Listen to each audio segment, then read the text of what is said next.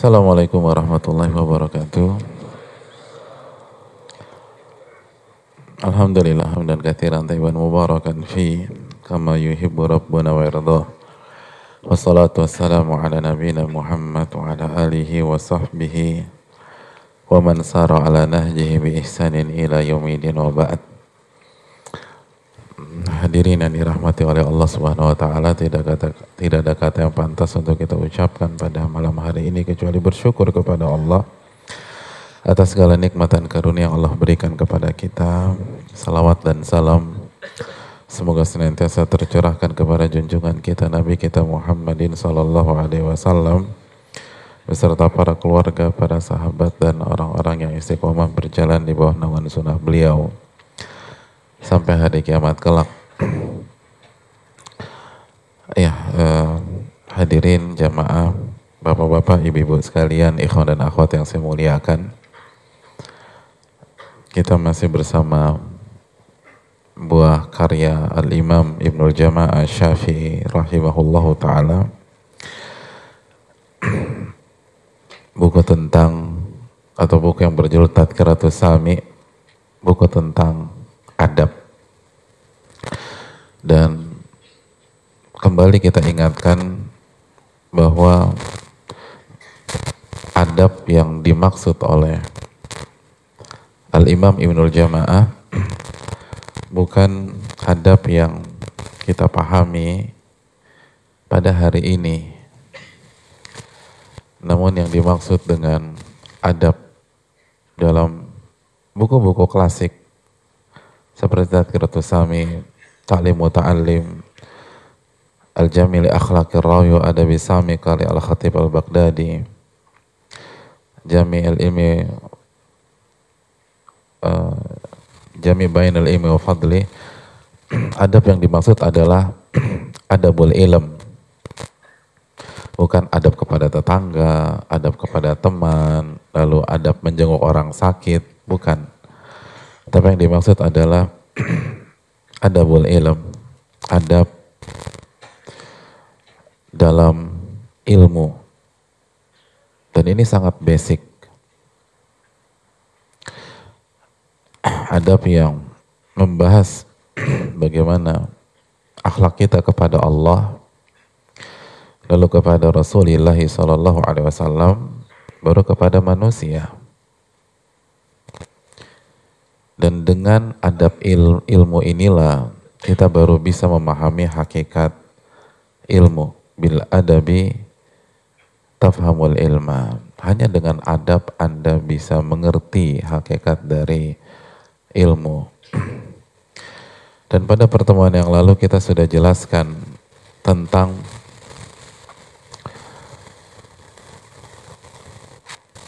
parameter kebaikan seorang hamba. Dari akhwat, ada yang bisa sebutkan hadisnya kembali buat kita?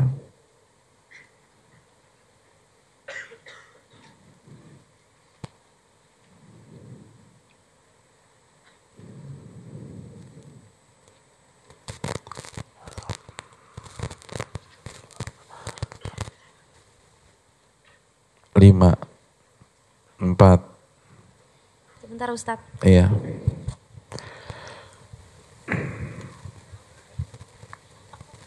Loh, enam aja nggak dijawab.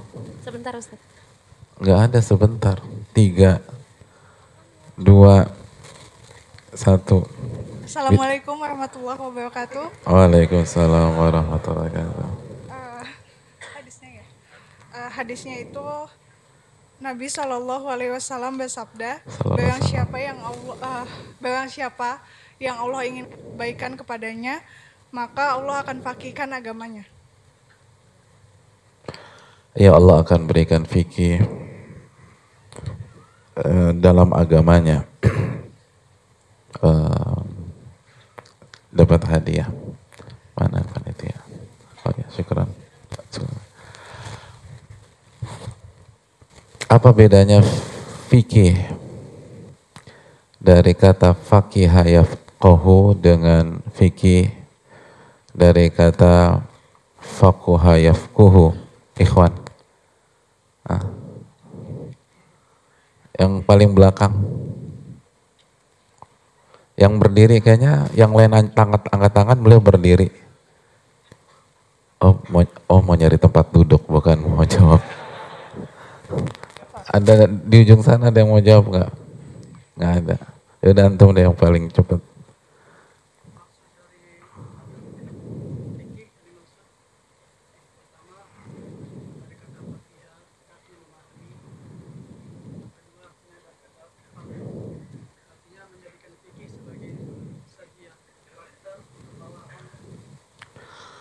Oke, okay, jazakallah. Akhwat ada yang bisa jawab? Jazakallah khairan.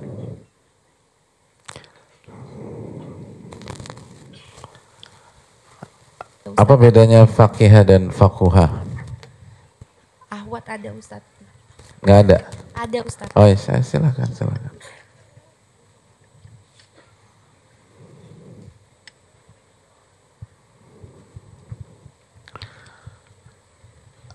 Silakan dijawab akhwat. Bismillah. Bismillah. Uh, fakiha yaitu memahami seperti uh, hadisnya barang siapa yang Allah Subhanahu wa taala inginkan kebaikan, Allah akan membuat ia paham akan agama dengan pemahaman yang benar. Kalau fakuha itu menjadikan fikih sebagai tabiat. Seperti itu, Ustadz. Iya, terima kasih jazakallah khairan. Iya. uh, hadirin teman-teman yang dirahmati oleh Allah Subhanahu wa taala. Man yuridillahu bihi khairan yufaqihu fid din. Barang siapa yang Allah inginkan kebaikan, Allah akan berikan dia fikih terhadap agamanya. Allah akan berikan fikih kepada dia. Dan apa mana fikih? Kita sudah jelaskan fikih bisa berarti fakih yafqahu. Artinya Allah akan berikan pemahaman yang benar dan pemahaman ini mahal, teman-teman sekalian. Pemahaman yang uh, pemahamanlah yang merupakan rahim dari kebaikan dan rahim dari keburukan. Karena cara kita merespon masalah, cara kita menghadapi problematika dalam hidup itu tergantung pemahaman kita dan sudut pandang kita dalam masalah itu. Kalau pemahamannya benar sesuai dengan Al-Quran dan Sunnah Nabi SAW, maka kita akan mudah menyelesaikan masalah demi masalah dalam hidup kita. Tapi kalau pemahamannya keliru, maka itu awal dari bencana, bencana, dan bencana.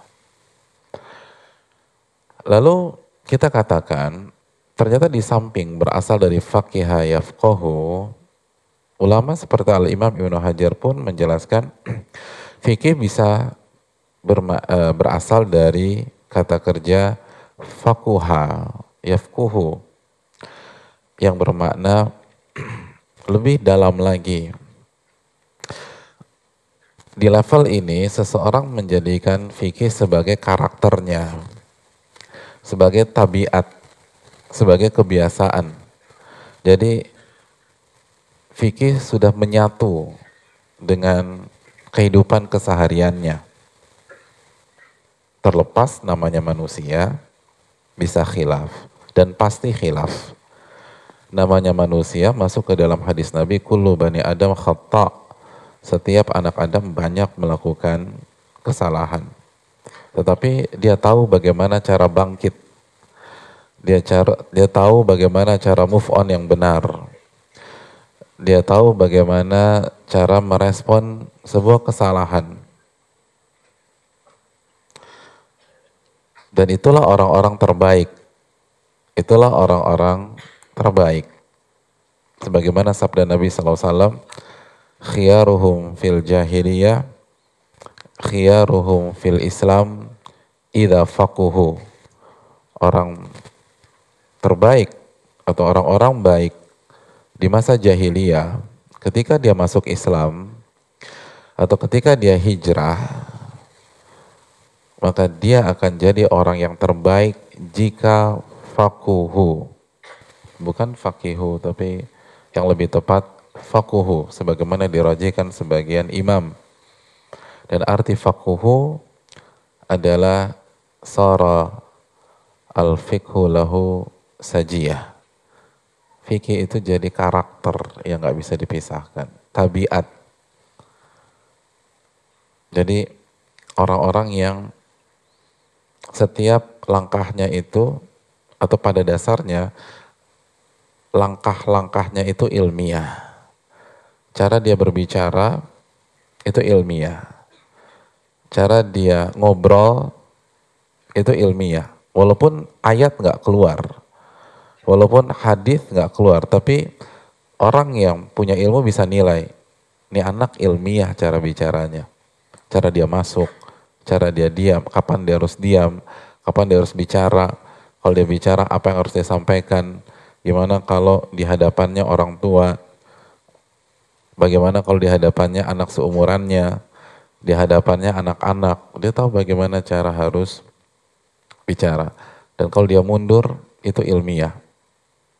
Dan itu yang harus kalian dan kita semua kejar hadirin dan teman-teman sekalian. Gimana derap langkah kita itu ilmiah, mundobil, sesuai dengan doabil, sesuai dengan kaedah, sesuai dengan kaedah. Nah, dan ada caranya, dan ini akan kita bahas pada malam hari ini. Dan bukan saya yang kasih bocoran. Kita akan ambil tips-tips tersebut dari para ulama kita. Dan yang kita ambil pada malam hari ini adalah keterangan dari Syekh Saleh bin Abdullah Humaid atau bin Humaid. Syekh Saleh bin Abdullah bin Humaid. Ada yang pernah dengar nama beliau tidak? Beliau salah satu anggota Hayatul Kibar Ulama, ulama-ulama senior. Beliau menyelesaikan uh, pendidikan formal beliau di Universitas Ummul Qura di Makkah Al-Mukarramah. Dan penjelasan beliau ini diaminkan oleh Syekh Abdul Aziz Al-Syekh Syekh Abdul Aziz Alu Syekh ulama senior juga. Jadi yang menyampaikan adalah salah satu anggota Hayatul Kibar Ulama. Senior baik secara ilmu maupun uh, usia dan beliau juga uh, pernah jadi Rois Majma' Fikih Dauli uh, uh, Komite Fikih Internasional. Maka sangat layak untuk kita simak keterangan beliau. Bagaimana kita memiliki uh, konsep fakuhu itu tadi atau fakuha gimana kita punya DNA fikih dalam keseharian kita beliau kasih enam tips beliau kasih enam tips Tips yang pertama kata beliau, biar hidup kita ilmiah. Dan ketika hidup hidup kita ilmiah, hidup kita akan berkah. Hidup kita akan dirahmati oleh Allah. Dan ingat, orang-orang sukses adalah orang-orang yang menghargai inci demi inci di dalam kehidupannya. Bukan hanya gabung pas di event-event besar, tapi begitu selesai event, selesai kajian, selesai tablik akbar, kesehariannya nggak ada ilmiah-ilmiahnya sama sekali. Itu bukan orang-orang besar hadirin.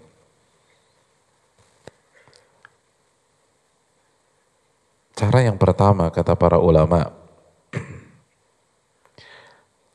yang pertama biar kita punya DNA fikih ikhlasun niyya lillahi azza wa jal. Mengikhlaskan niat hanya kepada Allah subhanahu wa ta'ala.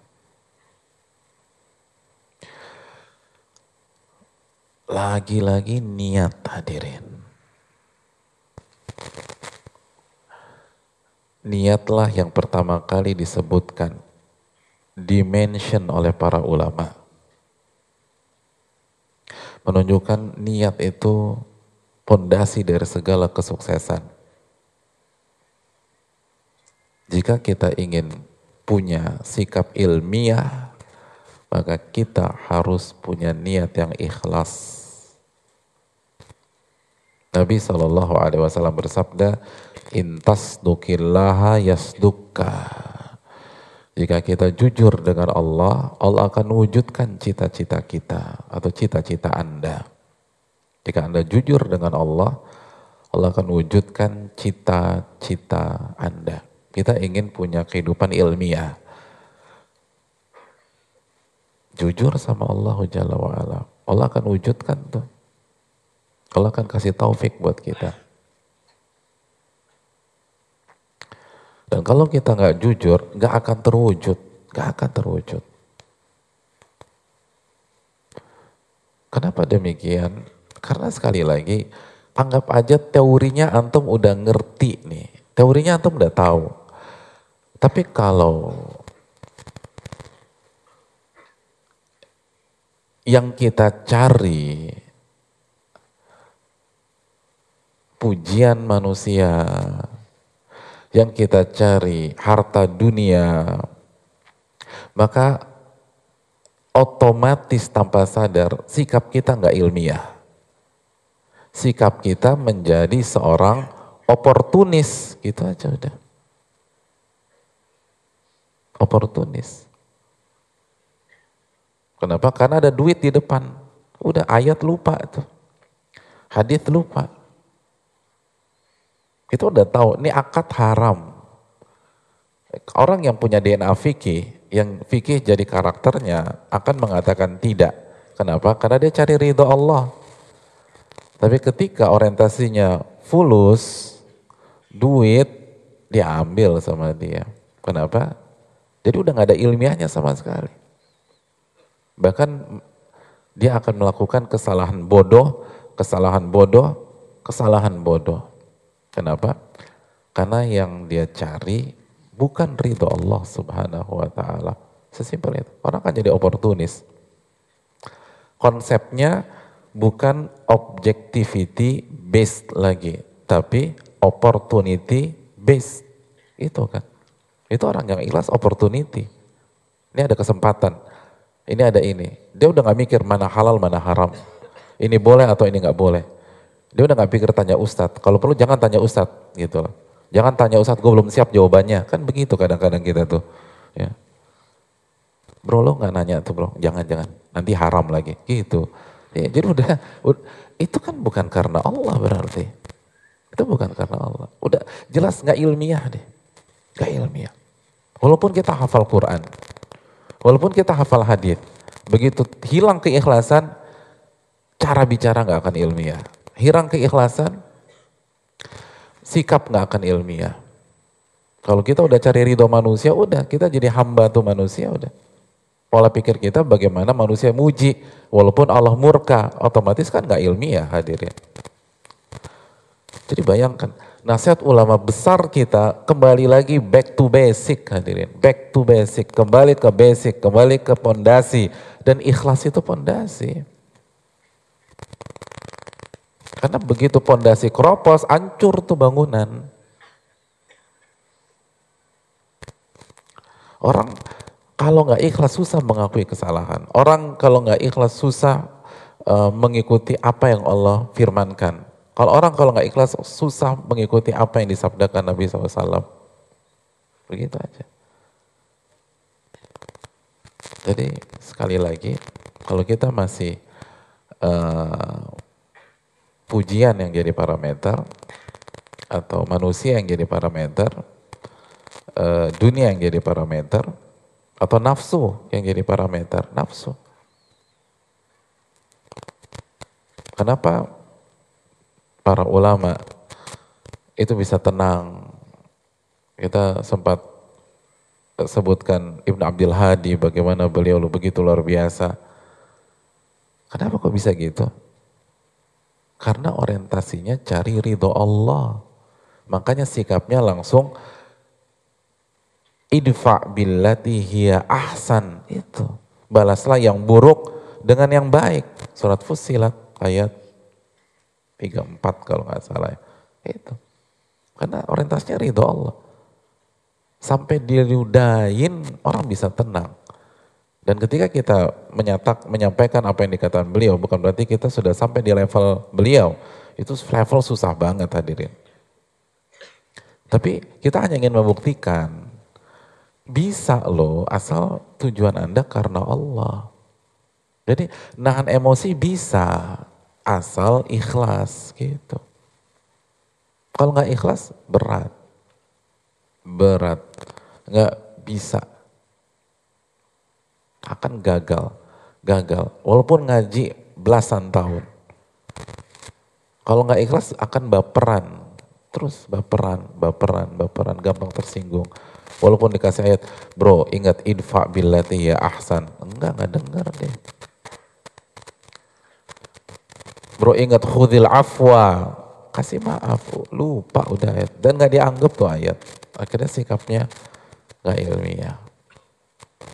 Jadi kalau ingin mau punya fakuha,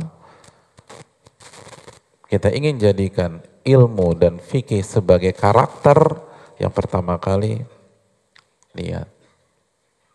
Yang pertama kali niat. Itu yang harus diperbaiki. Nah itu tadi, kenapa sekali lagi yang kita bahas itu adabul ilm hadirin. Yang kita bahas adalah adab dalam ilmu dan yang diingatkan selalu para ulama jaga keikhlasan, jaga keikhlasan, jaga keikhlasan. Karena semua itu akan ber, berawal dari sini. Semua akan berawal dari sini. Semua sikap kita, sikap kita di sosmed dari sini, sikap kita di kehidupan real dari sini, sikap kita uh, depan orang, di belakang orang, itu berawal dari sini berawal dari sini. Kalau kita cari ridho manusia, itu depan dia A, belakang dia B. Kenapa kita jadi dua, punya dua muka begitu? Karena niatnya nggak ikhlas. Tapi kalau niatnya karena Allah kan nggak ada begitu. Karena kita cari ridho manusia. Hadirin jaga keikhlasan. Ini penting. Dan itu kenapa kita kemarin bahas awalul ilmi niyah. Awal dari ilmu itu niat. Awal dari ilmu itu niat. Ucapan siapa? Ah, ucapan siapa? Ah, iya Abdullah bin Mubarak. Abdullah bin Mubarak. Fadal, jazakallah khairan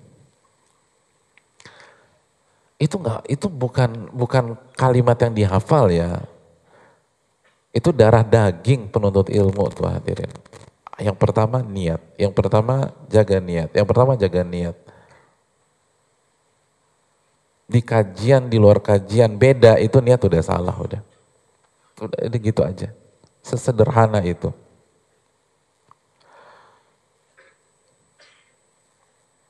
Itu yang pertama. Yang kedua, Kata para ulama,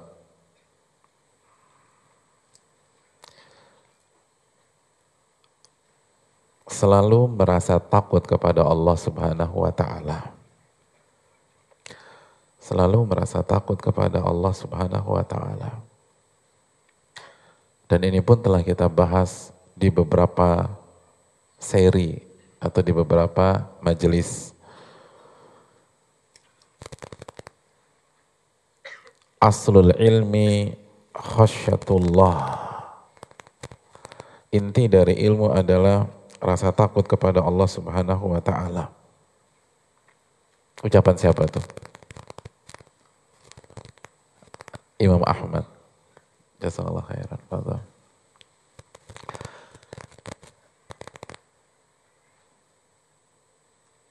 Ucapan Imam Ahmad inti dari ilmu itu takut kepada Allah. Atau dasar dari ilmu itu takut kepada Allah. Itu tadi. Kalau mau ilmiah harus punya rasa takut sama Allah. Kalau nggak punya nggak bisa. Eh, teman-teman, yang membuat antum nolak cewek cantik, cantik pokoknya apa bahasa apa ijma gitu ya ijma cantik semampai bodinya luar biasa dan mau sama antum diajak ngedet gitu dia siap dia WAWN antum itu yang membuat antum menolak tuh apa takut sama Allah itu kan takut sama Allah. Sehingga ketika antum tolak dia, ah, sikap anda ilmiah. Gitu kan. Ilmiah tuh. Itu nggak ada tuh. Nggak ada yang sekali lagi cantik, kaya, tajir, sama aja kayak sama tajir ya. Ya dua-dua biar penekanan lah. Ya semampai gitu. Semuanya ada. Yang membuat antum nolak apa? Itu. Ketika mungkin dia nggak mau dihalalkan sama antum. Dia maunya uh, tanpa status dan lain-lain. Jadi sekali lagi itu, itu rasa takut nih. Yang berani kita enggak padahal syahwat di depan kita. Itu rasa takut. Maka kalau kita ingin punya sikap yang ilmiah, bangun rasa takut kepada Allah Subhanahu wa taala dan itu sudah kita bahas di pertemuan-pertemuan yang lalu dan kita tinggal buka summary-nya atau kita lihat lagi kajiannya. Itu yang kedua. Yang ketiga. Yang ketiga. Ulama mengatakan yang ketiga itu adalah tahalli bi khisalil ilmi at-tahalli bi khisalil ilmi yaitu e, berhias dengan sifat-sifat atau adab-adab ilmu.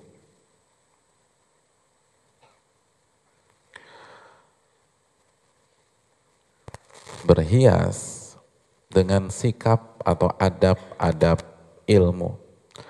Min husni samti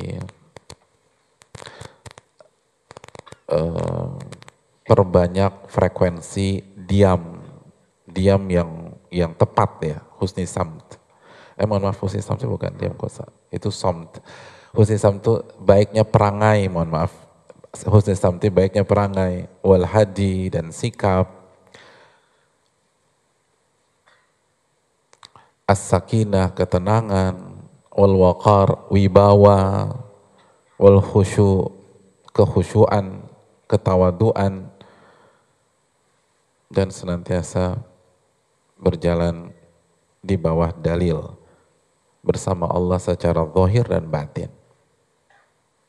Jadi setiap kita ngaji nih hadirin, itu kita berusaha pelan-pelan deh.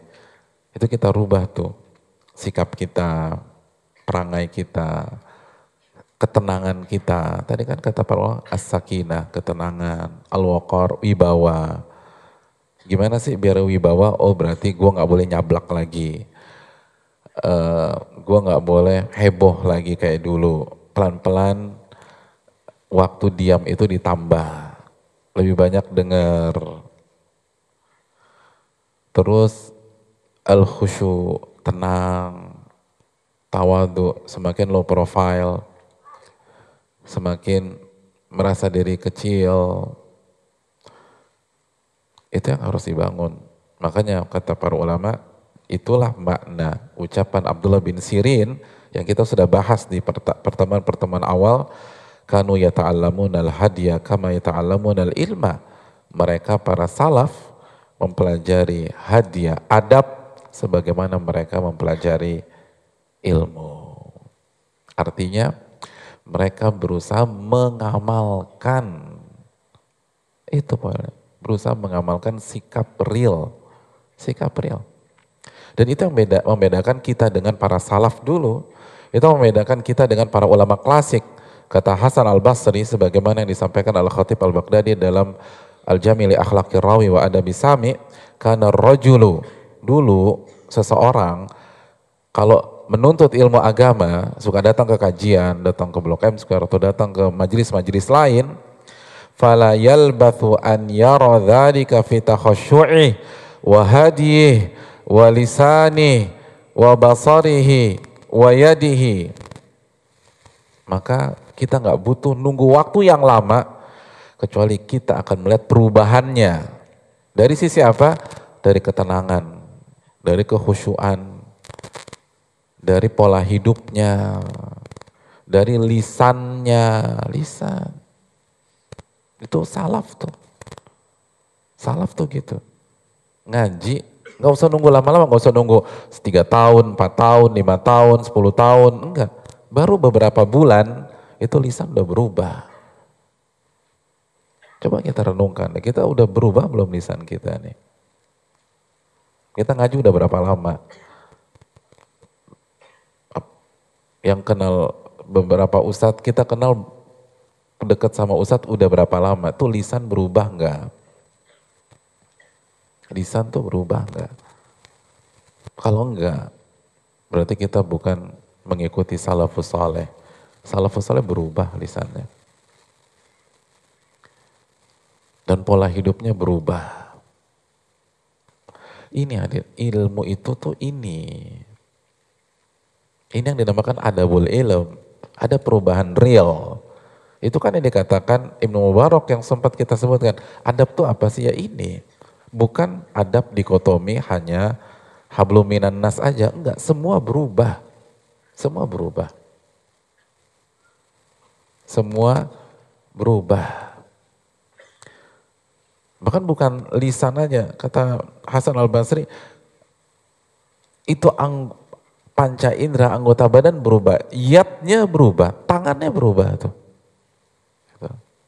Yang dulu mungkin suka gandeng, suka megang-megang, suka mukul, suka nampar, berubah tuh hadirin. Itu baru benar real. Suka nyubit gitu loh. Itu berubah. Kalau enggak, berarti Anda enggak ngikuti salafus saleh. Ya klaim boleh, semua juga bisa klaim gitu loh. Siapa sih yang nggak bisa klaim? Semua bisa klaim. Tapi kan konsepnya gimana? Dan itu nggak lama-lama loh. Fala nggak lama kata Hasan al-Basri itu berubah tuh. Sekali lagi, harus ada perubahan hadirin. Itu poinnya. Jadi kalau mau, kan sama, kalau mau jadikan fikih sebagai karakter ya berubah gitu aja. Jangan hanya hobi datang kajian. Jangan hobi ngikutin kajian, buat kajian, tapi nggak ada perubahan. Ini kan. Berarti kita nggak diinginkan kebaikan sama Allah. Walaupun kita hidup di dunia ilmu, tapi Allah nggak inginkan kebaikan buat kita. Buktinya nggak ada perubahan.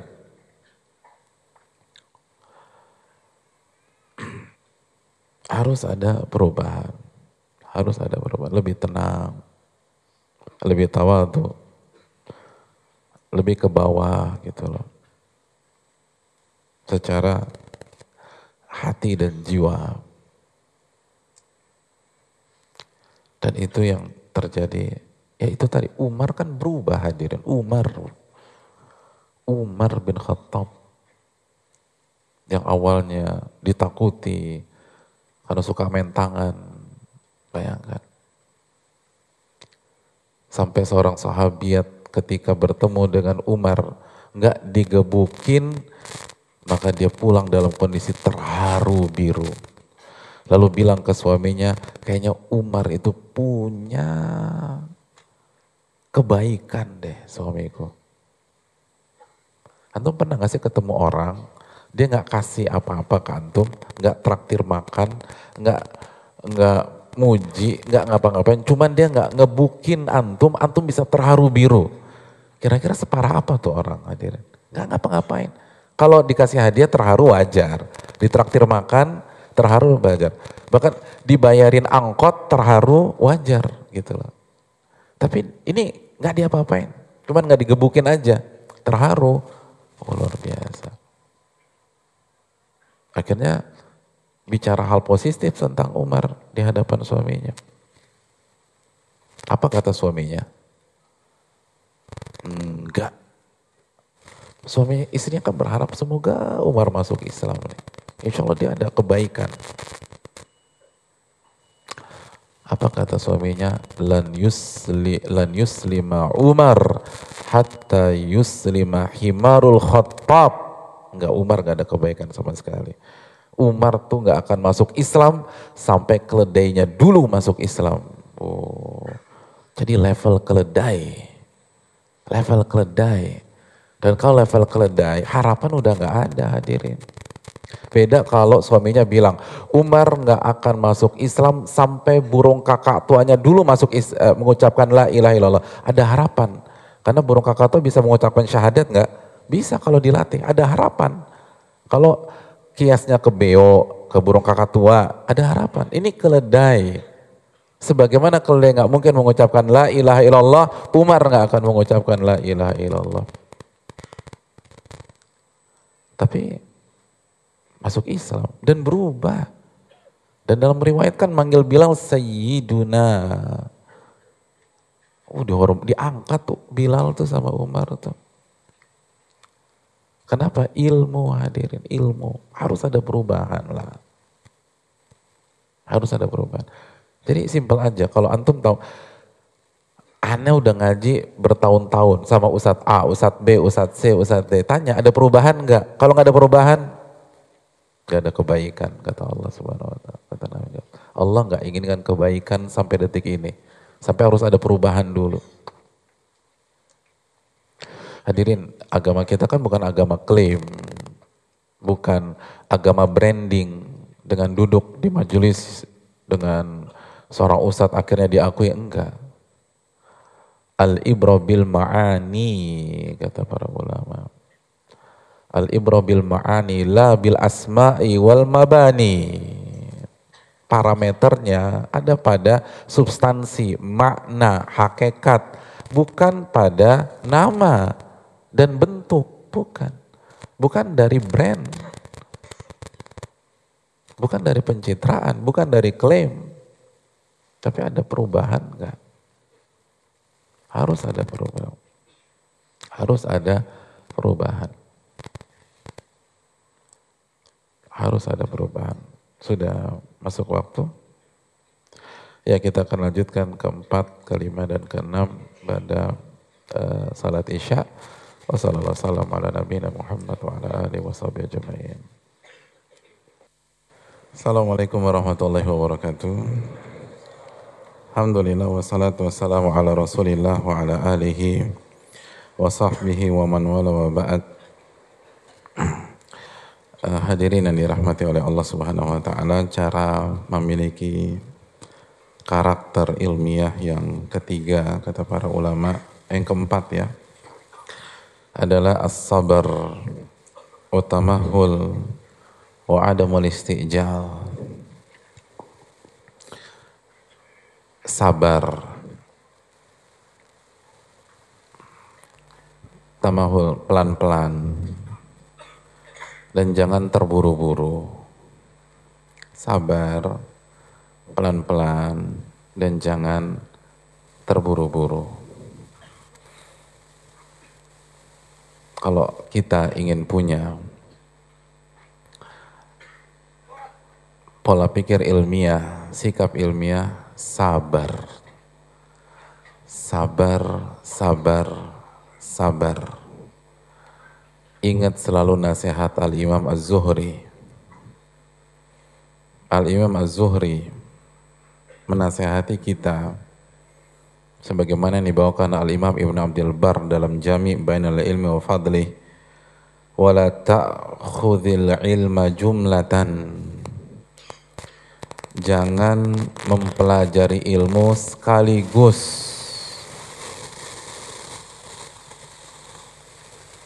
nah, bersih ya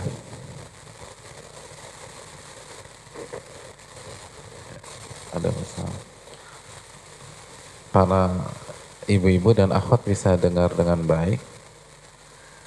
Oh bisa, Masya Allah.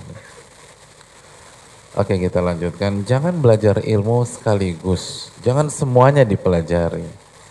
Di waktu yang sama. Jangan kejar sana, kejar sini dan segala macam. Tanpa konsep. fa inna man rama akhdahu jumlatan dhahaba anhu jumlata karena orang yang ngambil ilmu sekaligus akan hilang sekaligus jadi yang ngambil ilmunya banyak sekali sekali ngambil banyak itu hilangnya juga banyak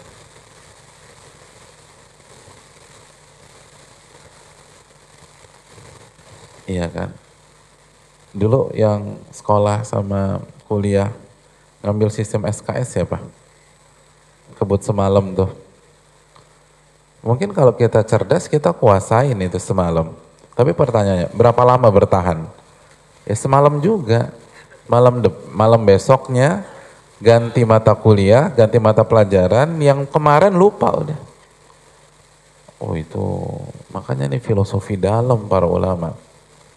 Kalau kalian dan jamaah sekalian mau ilmiah, sabar belajarnya, sabar, pelan-pelan. Dan jangan loncat-loncat. Ikuti metode para ulama. Ikuti metode para ulama. Kalau mau berobat, ikuti treatment para dokter.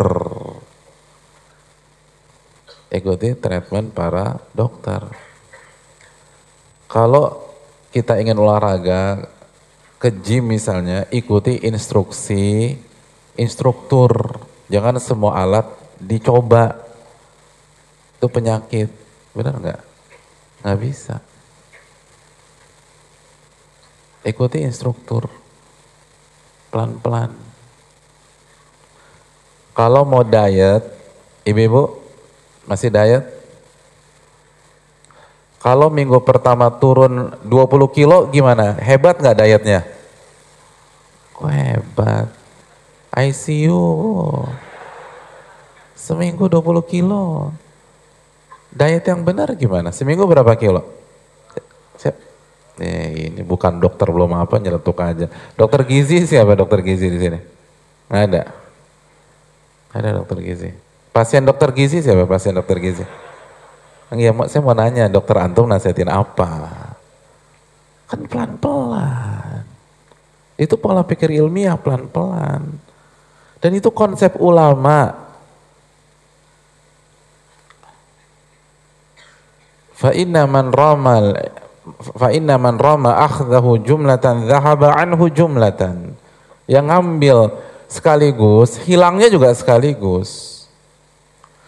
Walakin syai' ba'da syai' tapi ilmu itu satu demi satu. Satu diamalin dulu ilmiah nih, baru ambil satu lagi. Baru ambil satu lagi. Ma'al layali wal ayam dengan bergantinya malam dan siang. Itu ilmu. Gak bisa sekaligus. Gak bisa antum datengin semua tuh nggak bisa, bukan begitu metodenya. Ini bukan kata saya, kata para ulama. Az-Zuhri. Makanya kita langsung dengar dari pakarnya. Saya sebagai jembatan antum, itu aja. Az-Zuhri mengatakan demikian. Gak bisa. Dan ini yang harus dicamkan. Hadirin, kita berada di masa dan zaman instan sekali lagi. Ini memang tantangan besar untuk bisa on the pattern antum tuh berat. Kenapa? Karena kita dikelilingin konsep instan, instan, instan, instan. Makanan paling favorit di masyarakat apa? Nah itu pintar antum tuh. Instan dah, udah cocok nih deh. Ah. Makanya generasinya sama generasi ah, udah, tuh ngaku gitu. Ya kita juga sama nih. Dan yang duduk di sini belum tentu sudah sesuai dengan konsep yang ideal ya.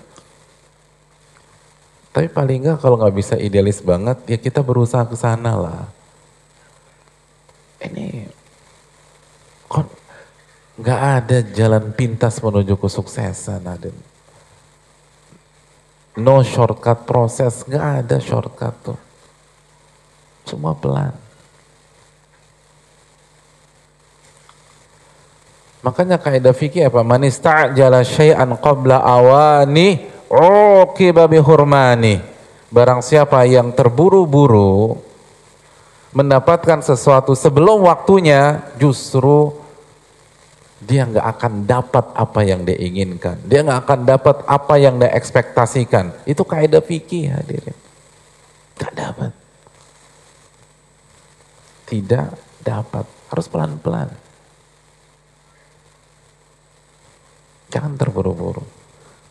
Apalagi antum ini, kita semua, kan hijrahnya nggak dari lahir. Ada yang hijrah, antum, antum usia berapa sih? Usia 20, wajah-wajah kan muda-muda ya. Berapa? 30? Ah, berapa usia atau atau bahasa lebih pertanyaan di usia berapa antum hijrah? Hmm? Usia berapa? Hmm? Sampai antum nggak ngerti kapan antum hijrah? Seberat itukah beban antum? Nggak, antum hijrah tuh tahun berapa? Berapa? Usia berapa? Usia berapa? Hmm? 25. Oh, udah muda ya. Misalnya kita usia 25 atau usia 30, usia 32, usia 35. Berarti kan antum punya PR sekali lagi nih untuk merubah kebiasaan-kebiasaan buruk yang sudah mengakar dalam jiwa kita selama 25 tahun jika hijrahnya usia 25. Kalau hijrahnya usia 30 yang mengakar selama 30 tahun. Kalau hijrahnya usia 35 yang mengakar 35 tahun. Kalau hijrahnya usia 70 ya 70 tahun. Nah kira-kira merubah kebiasaan yang sudah mengakar, kebiasaan yang gak ilmiah, kebiasaan yang selalu berpikir kepentingan pribadi kebiasaan yang selalu oportunis, kebiasaan yang selalu berpikir dengan emosi, bersikap dengan emosi. Selama 35 tahun, selama 40 tahun, bisa tuh diubah dalam 5, 3, 5 7 bulan. Gak bisa, sabar. Sabar. Ini semua mau instan. Gak bisa.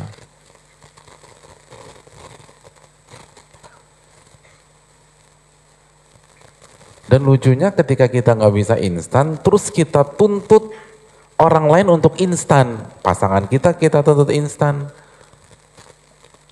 Begitu mentok, mikir cerek lah gitu. Nggak bisa Pak Ustadz, nggak bisa dipertahankan. Udah kepala batu dia Pak Ustadz. Antum dakwahin udah berapa lama? Tiga bulan. Antum berubahnya proses berapa? Tiga tahun. Gimana tiga bulan mau berpikir pasangan kita langsung baik? Ini semua berpikir instan. Gak bisa hadirin. PR kita banyak. Noda tuh, noda. Ini simpel aja lah, noda. Antum main bola pas hujan-hujan, terus kena tanah merah, terus nggak langsung dicuci. Antum tunggu dua minggu lagi baru dicuci, kira-kira gampang gak tuh nyucinya? Itu dua minggu tuh noda. Gimana kalau noda dosa kita 32 tahun? Ganti penampilan paling gampang hadirin, paling gampang. Ganti ini nih yang susah. Cari cari berpikir ganti paradigma itu susah. Ganti emosi itu susahnya minta ampun. Ini yang susah. Makanya sebagian salaf mengatakan saking susahnya mengontrol hati seakan-akan dia bukan bagian dari tubuh kita. Dia organ lain. Karena susah banget ditaklukkan. Sumiyal qalbu qalban litaqallubihi kata para salaf. Hati itu dinamakan qalb itu karena labilnya luar biasa. Nggak bisa dikendalikan dengan mudah. Nah gimana gimana kita mau berubah kalau kita nggak sabar ngaji gitu loh. Kalau kita nggak sabar datang ke kajian, ya nggak bisa berubah. Nggak akan bisa berpikir ilmiah, nggak akan bisa bersikap ilmiah. No shortcut proses, nggak ada cara instan untuk berubah. Semua butuh kerja keras. Ya sederhana, membangun etos belajar aja susah loh. Yang nggak pernah baca jadi baca tuh setengah mati. Apalagi kita tahu ujian Allah nggak ada, nggak ada pemberitahuan sebelumnya. Jadi itu sangat sangat berat kalau kita nggak sabar. Sabar dalam belajar tuh sabar, dalam berubah tuh sabar. Dan hargai perubahan sekecil apa pun, baik dari diri kita maupun dari diri orang terdekat kita, pasangan kita. Jangan banyak ngeluh ada perubahan 0,1 tuh syukurin. Kalau Allah syukur kalau kita bersyukur la in syakartum la azidannakum. Kalau kalian bersyukur ditambah tuh sama Allah. Nah kita lupa bersyukur karena buru-buru buru-buru buru-buru buru-buru buru-buru. Dan memang itu tabiat manusia. Itu kan yang Allah firmankan dalam surat Al-Isra ayat 11 apa kata Allah? Wa kanal insanu ajula manusia tuh itu terburu-buru lagi, terburu-buru lagi, terburu-buru lagi. Mau belajar langsung pengen cepat bisa, cepat berubah. Enggak.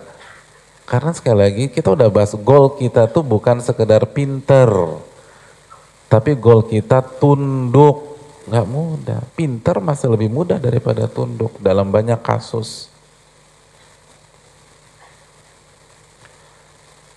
Hadirin, seorang wanita misalnya untuk memahami bahwa hijab itu wajib, itu butuh berapa kajian sih? Ngerti itu penjelasan seorang ustadz hijab itu wajib. Butuh satu kajian, dua kajian selesai. Tapi untuk berubah butuh berapa kajian? Mungkin tiga tahun setelah kajian baru dia berubah. Empat tahun sebelum kajian. Benar gak ibu-ibu di belakang? Ya, Udah tidur ibu-ibu. Tunduk tuh susahnya minta ampun. Jadi sabar. Sabar, nggak bisa orang dirubah dengan cepat tuh nggak bisa. Harus sabar, datang lagi, datang lagi. Dan ingat kata Allah, harus punya rutin, nggak bisa kejar, nggak ajalku udah nggak banyak, udah sebentar lagi Ustadz. Kalau saya nggak ngerti, sekarang kapan lagi? Bukan begitu metodenya. Sabar. Dan kalau Allah lihat kita meninggal di atas jalannya, walaupun banyak yang kita belum tahu, maka Allah akan mudahkan jalan kita menuju surga. Itu poin. Jadi sabarlah. Sabar dalam belajar. Terus setelah sabar dalam belajar, jangan tergesa-gesa dalam bersikap dalam membuat keputusan. Itu dilatih ta'ani ta'ani hadirin. Sabar. Pelan-pelan.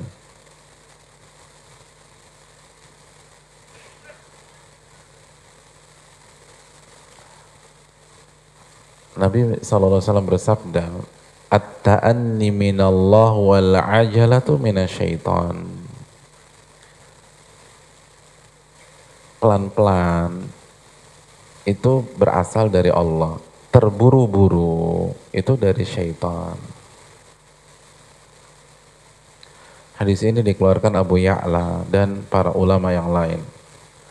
Dan sanatnya diperselisihkan. Sebagian memvalidkan seperti Al-Imam Al-Bani menghasankan hadis ini, tapi Imam Ahmad melemahkan dari segi sanad. Tapi maknanya secara umum benar.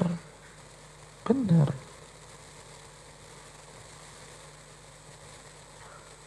Itu benar. Secara umum tuh ketenangan, kesabaran dalam mengambil keputusan, bersikap, itu tuh dari Allah. Dan terburu-buru dari syaitan. Jangan terburu-buru. Jangan terburu-buru. Jangan terburu-buru.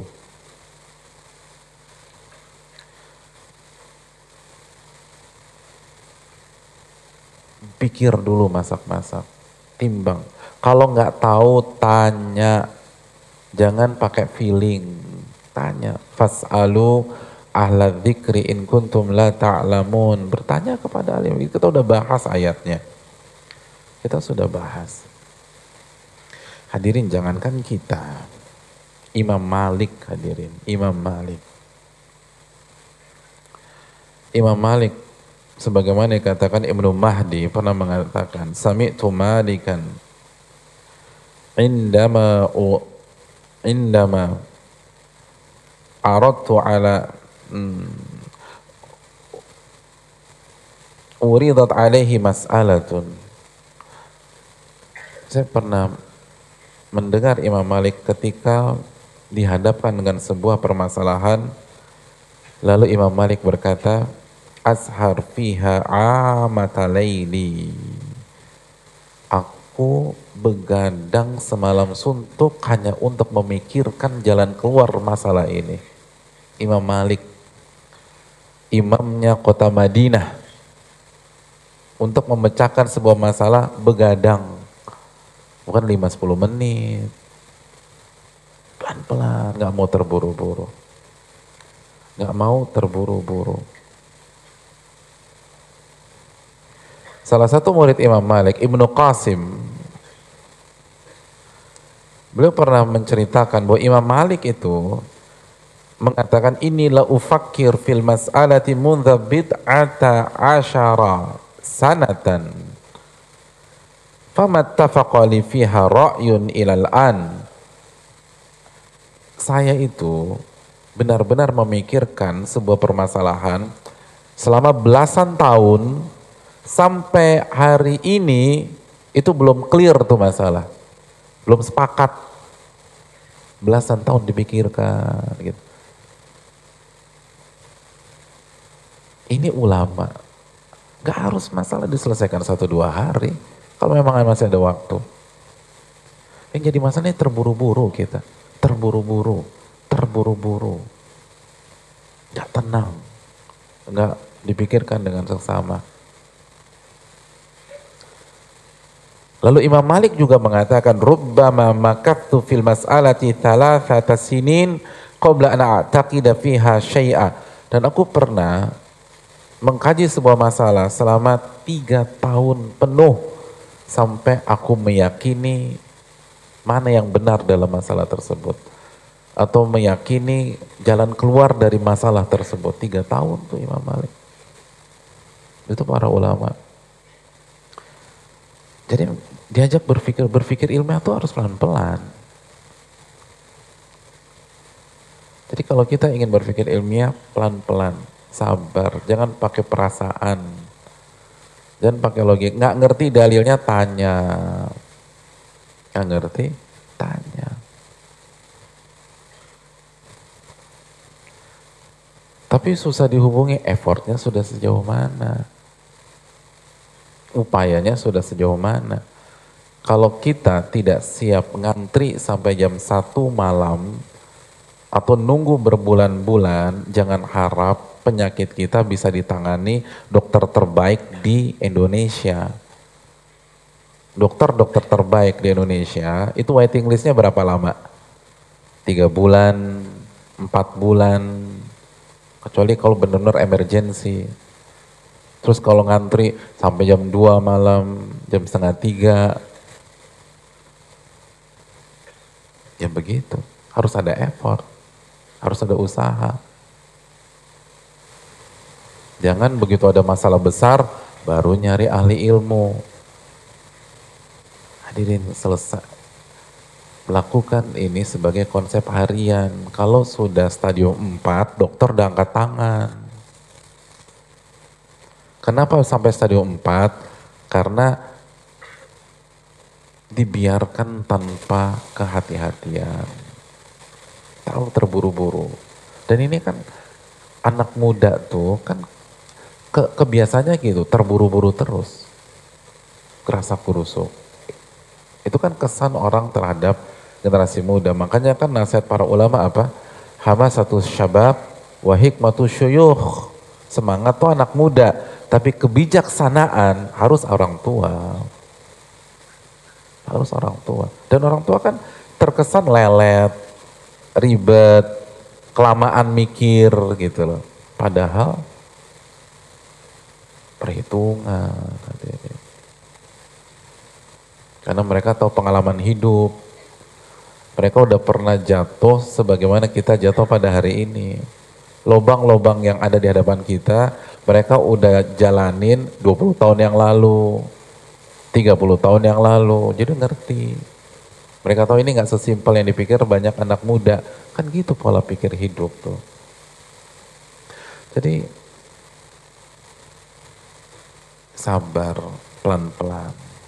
Jangan instan, nggak ada. Semua yang prematur itu nggak bagus. Semua yang prematur nggak bagus. Anak itu hadirin, anak itu anugerah atau bukan? Orang bilang anugerah tapi kalau lahir di bulan ke-6 atau ke-7 itu bisa jadi musibah karena prematur. Jadi semua anugerah tuh kalau prematur jadi musibah. Coba tuh anak lahir di bulan ke-6, sedih tuh orang tuanya. Nah begitu juga dalam hidup semua harus hati-hati. Jangan ambil keputusan gegabah. Ambil keputusan gegabah itu fatal. Dari dari semua hal. Mau ambil keputusan pekerjaan, pikirkan dulu. Mau merit, pikirkan dulu. Mau ambil langkah-langkah sesuatu, pikirkan dulu. Jangan main ambil sana, ambil sini. Ini penjelasan para ulama. Sabar, ta'anni, jangan terburu-buru. Ingat kaidah fikih, man ista'jala syai'an qabla awani uqiba bihurmani. Barang siapa yang uh, terburu-buru mengerjakan sesuatu belum pada saatnya, ingin mendapatkan sesuatu belum pada waktunya, maka dia akan diharamkan mendapatkan hal tersebut. Artinya nggak akan dapat. Nggak akan dapat. Jadi sabar dan sabar dalam belajar. Dan yang kedua, bangun sikap pelan-pelan. Jangan terburu-buru. Dipikir, dipikir. Paling gak antum ikutin Imam Malik nih, begadang tuh mikirin itu. Nah, tiga tahun tuh baru, oh iya ini nih. Gitu. Itu Imam Malik. Yang kelima, kita harus selesaikan ini pada malam hari ini. Yang kelima hadirin yang dirahmati oleh Allah Subhanahu wa taala.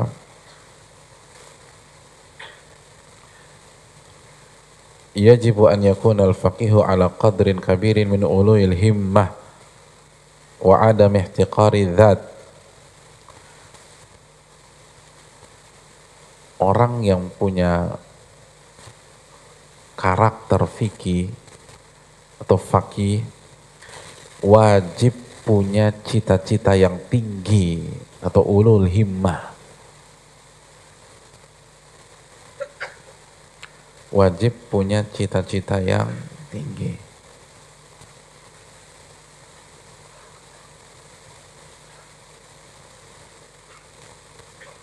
dan harus berani mengeluarkan segenap kemampuannya.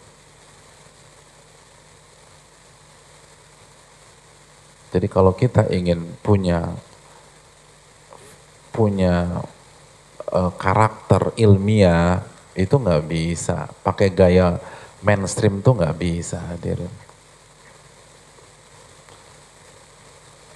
Nggak bisa. Ya kayak olahraga orang mulai latihan jam 7, antum harus mulai latihan jam 5, begitu.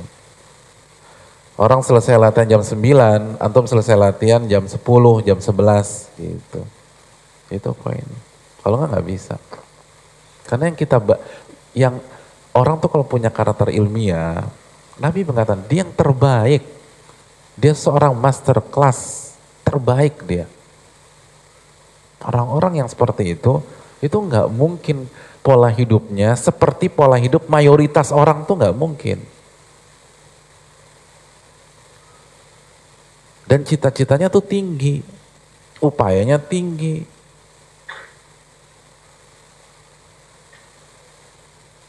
Itu harus demikian. Muhammad bin Ali al-Aslami.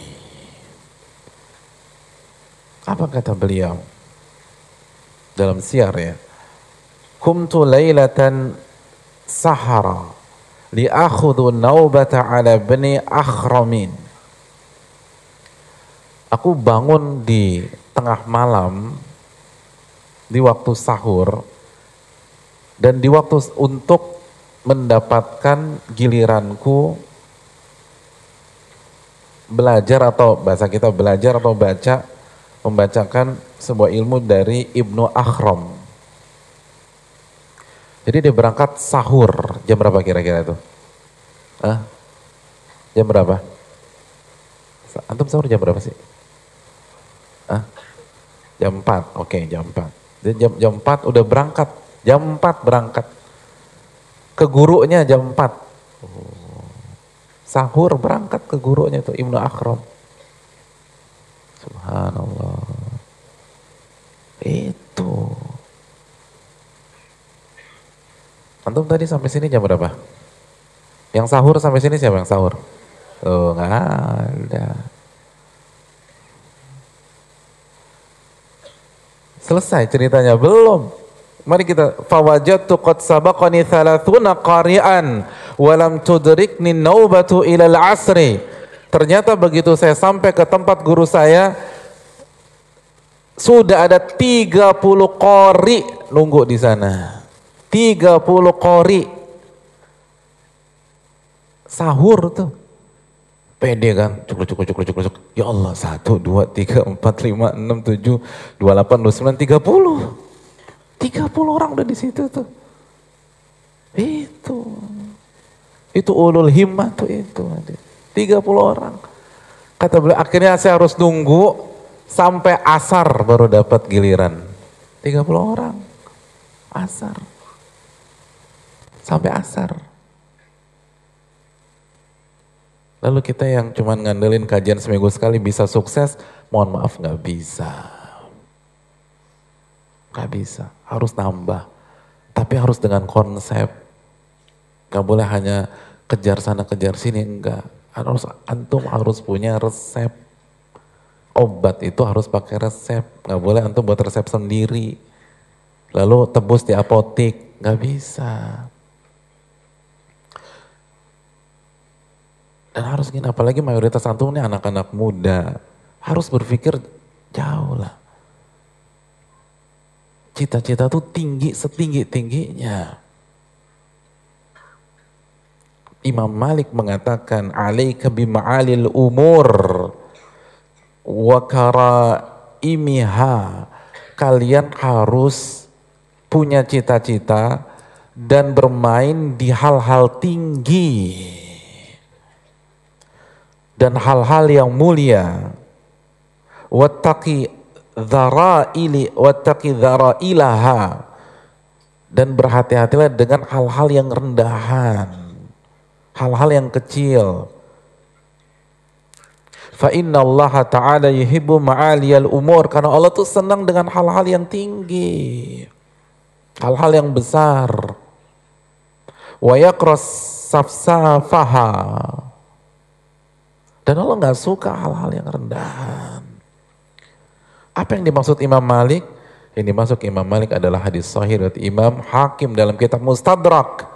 Innallaha karim yuhibbul karam. Allah zat yang maha mulia dan mencintai segala bentuk kemuliaan atau Allah zat yang maha dermawan dan menyukai segala kedermawanan. Wa yuhibbu ma'aliyal akhlak dan Allah suka dengan akhlak-akhlak yang tinggi. Allah suka dengan mimpi-mimpi tinggi. Tapi halal. Tapi maslahat buat umat. Dan mimpi tertinggi adalah surga tentu saja hadirin. Wa safsafaha. Dan Allah nggak suka dengan halal yang rendahan. Enggak. Semua antum mau bisnis-bisnis yang tinggi.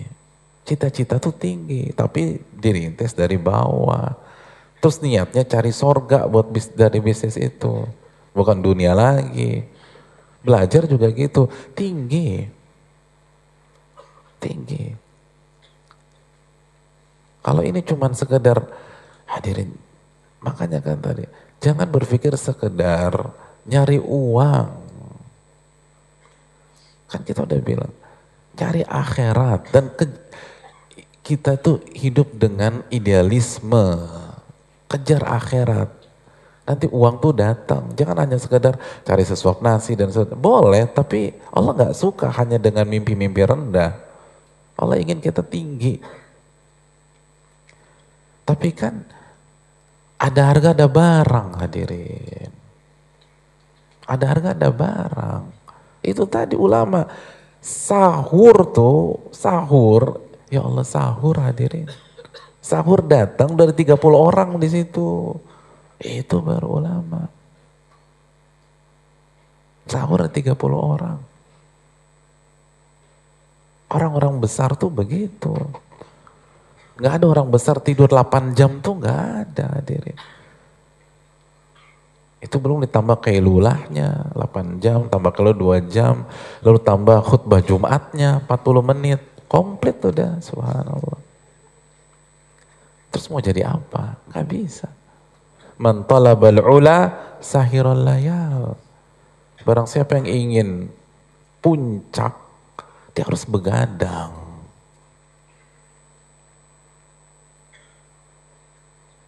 Bisa. Jangan remehkan. Orang-orang nama-nama besar pada hari ini itu 20 tahun yang lalu, 15 tahun yang lalu, nggak ada yang kenal.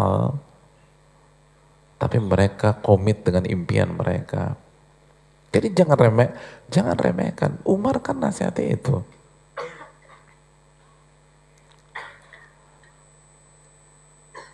Kata Umar, la tusagiru himamakum. Janganlah kalian merendahkan cita-cita kalian. Jangan. Cita-cita itu tinggi gitu loh. Nah cita-cita tertinggi adalah akhirat merubah karakter, merubah mental, mental terus mental juara. Jangan main di bawah.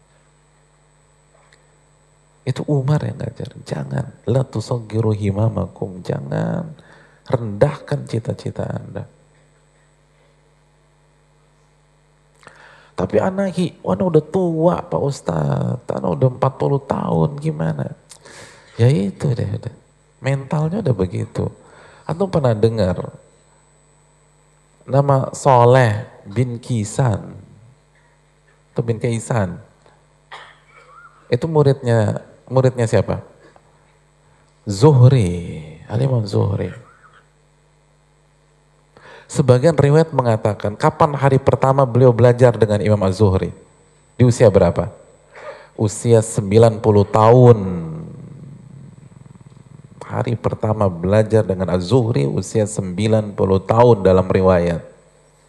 90 tahun. Coba 90 tahun siapa angkat tangan di sini? Gak ada. 95?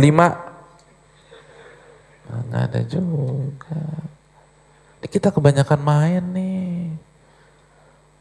Kebanyakan gak jelas kebanyakan kongko. Nggak bisa punya pola pikir ilmiah nggak bisa. Pola sikap ilmiah hanya untuk orang-orang besar hadirin. Harus rubah semuanya.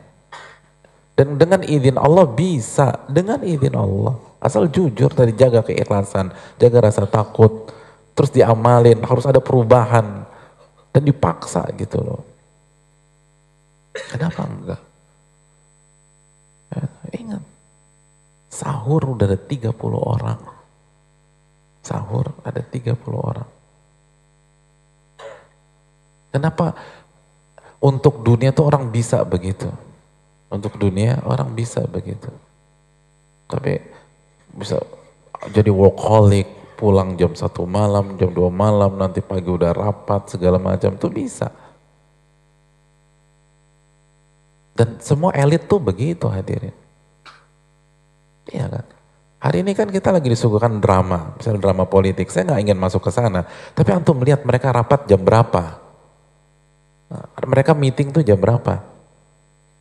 Mereka meeting jam 12, jam 1, jam 2, tiba-tiba uh, jam 5 udah ini lagi.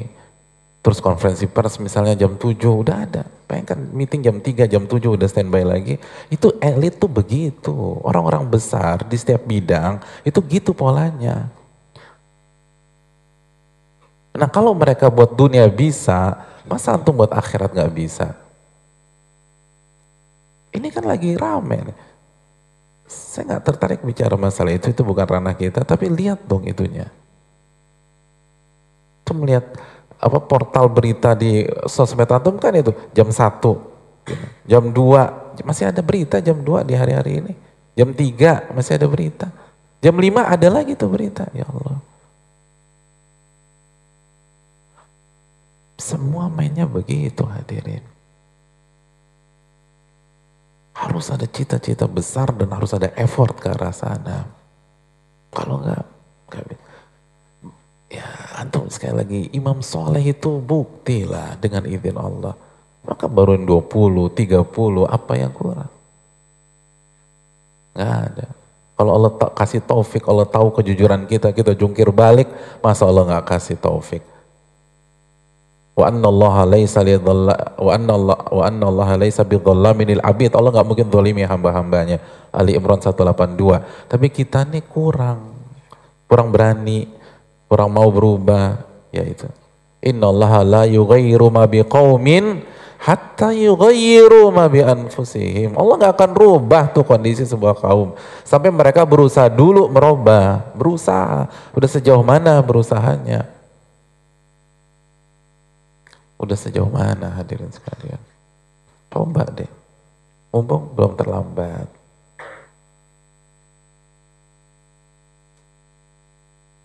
Sebelum terlambat.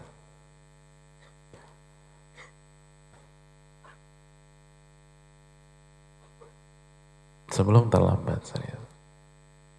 Minggu lalu saya di sebuah pondok pesantren.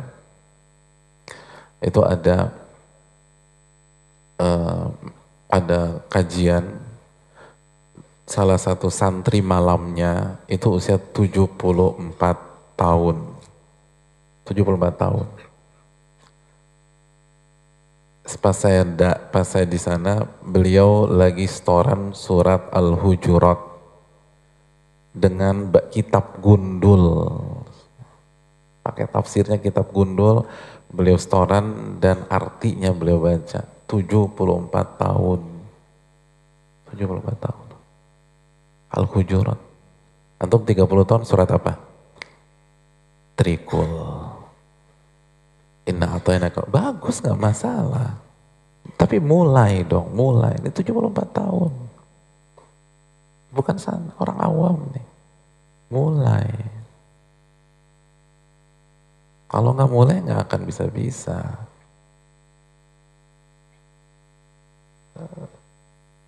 harus punya Allah seneng hal-hal yang tinggi hadirin. Katanya mau cari cinta Allah. Ini Allah cinta tuh yang begini. Allah cinta yang seperti itu. Kata Ibnul Jauzi, min alamati kamalil aqli ulul himmah. Salah satu sempurnanya akal seseorang, cita-citanya tinggi warradi biduni dani dan cepat puas dengan hal-hal yang masih sebenarnya kecil itu kekerdilan jiwa kata beliau. Orang-orang besar nggak cepat puas. Orang-orang besar selalu berpikir apa berikutnya? Apa berikutnya? Apa berikutnya? Makanya ulama itu nggak nggak nggak tenggelam dalam euforia pujian manusia. Nggak tenggelam dalam uh, jebakan pengagungan dari manusia. Enggak karena bagi mereka belum apa apa berikutnya? Apa berikutnya? What next what next what next. Begitu orang besar karena puas dan ridho dengan hal yang masih kecil itu sebuah kekerdilan. Coba bicara besar bicara besar. Itu orang-orang besar demikian.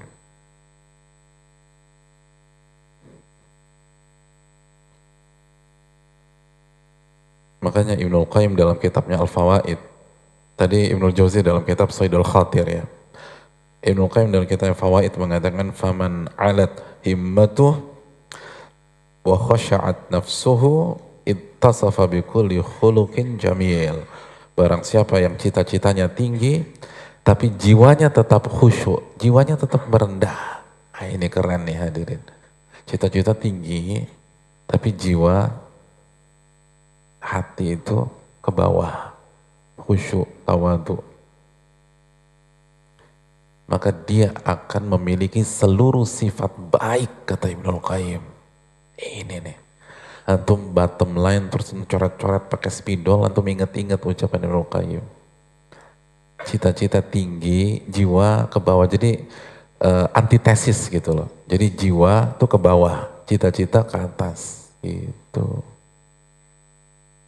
mau sampai lantai mana pun antum tetap tawadu nanti.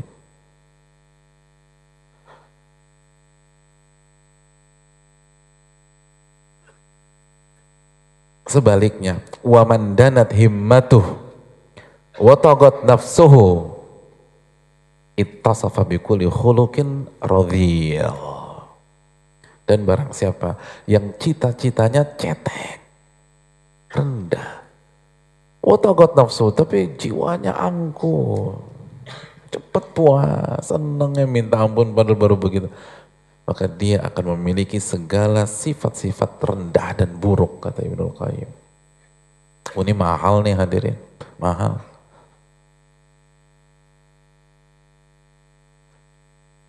Kuncinya cita-cita ke atas, jiwa ke bawah. Wow. Gitu nih, gak perlu dijadiin hashtag nih kayaknya nih. Iya ini keren banget loh. Kita dapat gratisan lagi nih insya Allah. Ini kalau kita nggak bersyukur sama Allah, oh ditanya di hari kiamat. Gitu. Bersyukur sama Allah. Ini konsep gini mahal. Ilmu tuh mahal.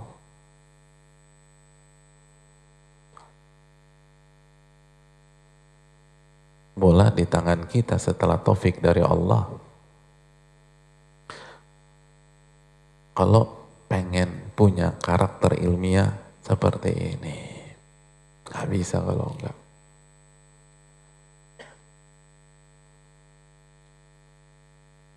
Yang terakhir, karena harus semua kita selesaikan. Kalau perlu sampai setengah dua belas. Kalau perlu, saya rasa nggak perlu. Yang keenam. Tetap bu'usyaril fuqaha. Ini keren juga nih hadirin. Agar kita punya pola pikir ilmiah,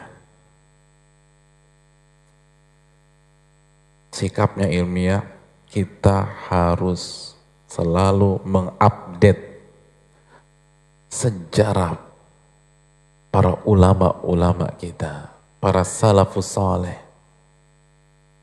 para sahabat, para tabi'in, lalu naik lagi para nabi-nabi.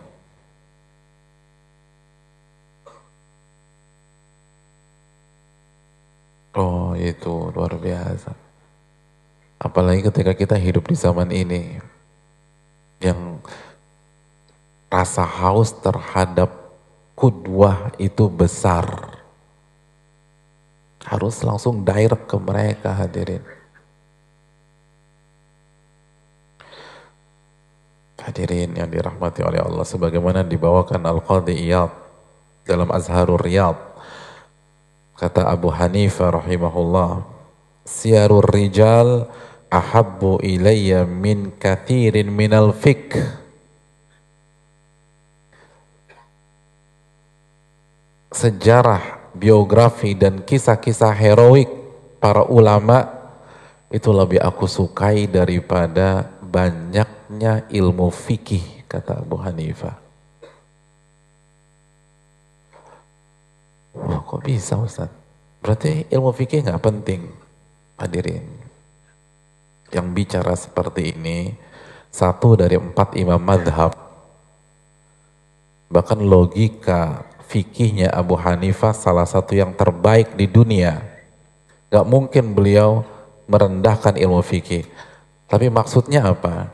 Maksudnya cerita tentang sejarah, biografi, dan kisah-kisah heroik para ulama itu fikih real. Fikih implementatif. Fikih aplikatif. Fikih yang nyata. Adapun yang di buku-buku itu masih teori. Itu lebih aku sukai. Jadi praktek lebih aku sukai daripada teori. Inti kan inti agama kan pengamalan. Itu perkataan Abu Hanifah. Jadi ulama dulu salah satu vitaminnya nih itu mendengar kisah-kisah heroik para ulama dulu. Makanya hadirin sekalian yang dirahmati oleh Allah, Imam Ahmad pernah mengatakan, sebagaimana dibawakan al-Imam Ibnu Munzir, Imam Ahmad pernah mengatakan, Samitu Sufyan al-Thawri, eh maaf, Sufyan bin Uyainah.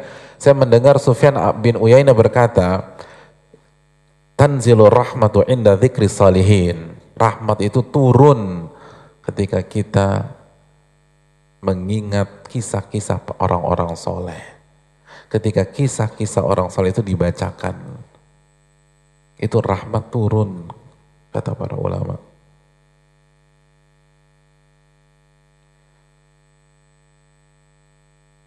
Ibnul Jauzi dalam Sayyidul Khatir mengatakan wa alaikum bimulahadhati sirat siyaril as-salaf wa mutala'ati tasanifihim wa akhbarihim wal istikthari min mutala'ati kutubihim ru'yatan lahum kata Ibnu Jauzi dalam Sayyidul Khatir kalian harus memperhatikan sirahnya para salaf. Sirahnya, biografinya, cerita-cerita tentang mereka.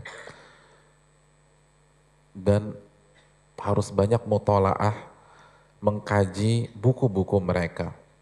Akhbarihim, cerita-cerita nyata tentang mereka. Dan memperbanyak menelaah buku-buku mereka. Diulang lagi tuh sama Nur Jozi, saking pentingnya. Penting tuh hadir. Itu Nur Jozi yang bilang. Kenapa? Karena buat semangat hadirin. Ya kita kita terinspirasi. Itu tadi. Kan jadi semangat lagi. Ketika misalnya uh, kita mendengar apa yang dilakukan Muhammad bin Ali al-Aslami tadi. Masa nggak ada pengaruh sih? Ketika kita dengar gimana persaksian Muhammad bin Ali al-Aslami datang sahur ternyata udah ada 30 orang. Itu kan ya Allah. Ketika mendengar Ibnu Ab, Ibnu Abdul Hadi yang tetap wise, tetap matang, tetap tenang walaupun diludahin orang kan pengaruh tuh hadir. Mendengar kisahnya Al-Imam Qutrub yang setiap pagi udah standby di depan pintu gurunya dan nemanin untuk jalan sholat subuh. Itu kan luar biasa lihat sekali itu luar biasa. Itu buat kita semangat lagi. Semangat lagi. Semangat lagi. Imam Syafi'i yang nyatet di tulang belulang Said bin Jubair nyatet udah diamalin belum nih di jok gimana udah ada catatan Lo diamalin, di pelana dicatat tuh Said bin Jubair. Kita, gimana kita ngantar inspirasi nyatet? Semangat kita. Masya Allah tuh para ulama. Jadi itu penting. Siro itu menghidupkan. Yang melembutkan hati. Yang kalau bahasa kita kan yang nampar-namparin kesombongan kita tuh. Ke kelailayan kita, ya Allah kita nggak ada apa-apanya dibanding mereka tuh. Itu yang perlu kita camkan. Jadi enam uh, hal ini itu yang akan membuat kita menjadi orang yang ilmiah dalam sikap dan kehidupan. Saya rasa cukup sampai di sini dan kemungkinan besar pekan depan kita akan uh, kuis lagi di dua pertemuan ini. Pertemuan yang akan datang kita akan uh, kuis. Pertemuan yang akan datang. Belum tentu per, uh, minggu depan ya, tapi yang jelas pertemuan yang akan datang kita akan kuis di dua pertemuan ini. Pertemuan sekarang sama pertemuan pekan lalu. Ya. Jadi siap-siap siap-siap tidak masuk gitu ya. Wah siap-siap Pak Ustaz. Enggak. Lihat kalau kita nggak masuk kita nggak akan pernah berubah hadirin. Ini kita udah ulul himan harus semangat belajar.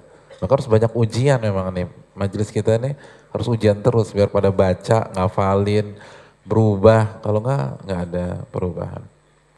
Ya saya rasa cukup. Uh, Wassalamualaikum Muhammad. Kita buka sesi tanya jawab sebentar. Assalamualaikum Ustaz, Waalaikumsalam. Semoga Allah selalu melindungi dan merahmati seluruh kaum muslimin serta selalu memberikan hidayah. Ya. Yang uh, harus pulang silakan pulang, tapi yang masih bisa nunda sekali lagi saya ingin ingatkan sesi tanya jawab tidak kalah pentingnya dengan sesi materi. Tidak kalah pentingnya dari sisi materi. Kenapa demikian? Karena yang pertama ini adalah ibadah. Fas'alu ala dzikri in kuntum la ta'lamun. Orang awam itu bertanya dan orang awam ketika bertanya itu ibadah. Terus yang kedua, saya udah dengar banyak sekali kasus orang-orang terinspirasi karena pertanyaan orang lain. Dan yang terakhir saya dengar uh, salah satu ikhwan tuh bilang uh, di sebuah pertemuan, saya ana udah mau pulang tuh. Tapi tetap bertahan, ternyata ada sebuah penjelasan dalam sesi pertanyaan yang benar-benar menginspirasi kehidupan saya. Dan saya bersyukur nggak pulang pada saat sesi tersebut. Jadi itu poin yang perlu kita camkan. Kita akan dapat pahala dari Allah Subhanahu Wa Taala. Tapi sekali lagi yang memang nggak bisa, nggak ada masalah sama sekali. Assalamualaikum warahmatullahi wabarakatuh. Semoga Allah selalu melindungi dan merahmati seluruh kaum muslimin serta selalu memberikan hidayahnya. Ustadz mau tanya puasa apa yang 9 hari di bulan Dhul Hijjah? Afan atas keterbatasan ilmu ana jazakallah khairan wa iyyakum. Ya, yang pertama uh, semua semua kita ilmunya terbatas ya. Semua kita ilmunya terbatas dan Allah mengatakan wa ma'uti itu minal ilmi illa qalila. Kalian nggak diberikan ilmu kecuali sedikit, bahkan bukan terbatas, sedikit. Semuanya, apalagi yang berbicara pada detik ini, ilmunya sangat amat sedikit. Dan yang kedua jangan malu untuk nanya walaupun pertanyaannya eh, nggak uh, dianggap nggak bermutu. Dan saya juga agak bingung mutu itu standarnya apa? Kata Imam Malik tidak ada ilmu yang bersumber dari Al-Quran dan Sunnah yang remeh. Nggak ada satupun yang lemah. Semuanya berat kata Imam Malik. Semuanya berkelas kata Imam Malik. Adapun puasa pada tanggal pada 9 hari di bulan Dhul Hijjah adalah puasa sunnah. Puasa sunnah di sembilan hari pertama di bulan Dhul Hijjah. Yang bisa puasa sembilan hari itu afdol dan ini pandangan jumhur para ulama. Mayoritas para ulama mensunahkan puasa sembilan hari pertama di bulan Dhul Hijjah dari tanggal 1 sampai tanggal 9 yang bisa. Yang nggak bisa 8 hari, yang nggak bisa 7 hari, yang nggak bisa 6 hari. Nggak bisa satu hari lah dan yang menjadi prime time adalah tanggal 9. Yukafiru sanatal madhi wal baqiyah. Itu menghapus dosa setahun ke belakang dan setahun ke depan. Itu luar biasa. Jadi gue udah bisa buat dosa lagi nih Pak Ustadz. Ya jangan.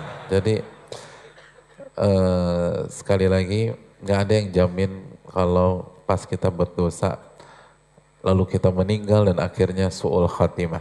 Dan yang dimaksud uh, satu tahun ke depan kata sebagian para ulama adalah dosa-dosa kecil dan meminimkan dosa-dosa besar. Jadi ini yang perlu kita camkan dan dalilnya kita tahu dalam hadis uh, Abu Daud ya. Bahwa Nabi berpuasa di 9 hari pertama di bulan Dhul Hijjah dan dalil-dalil yang lain. Allah telah bisa.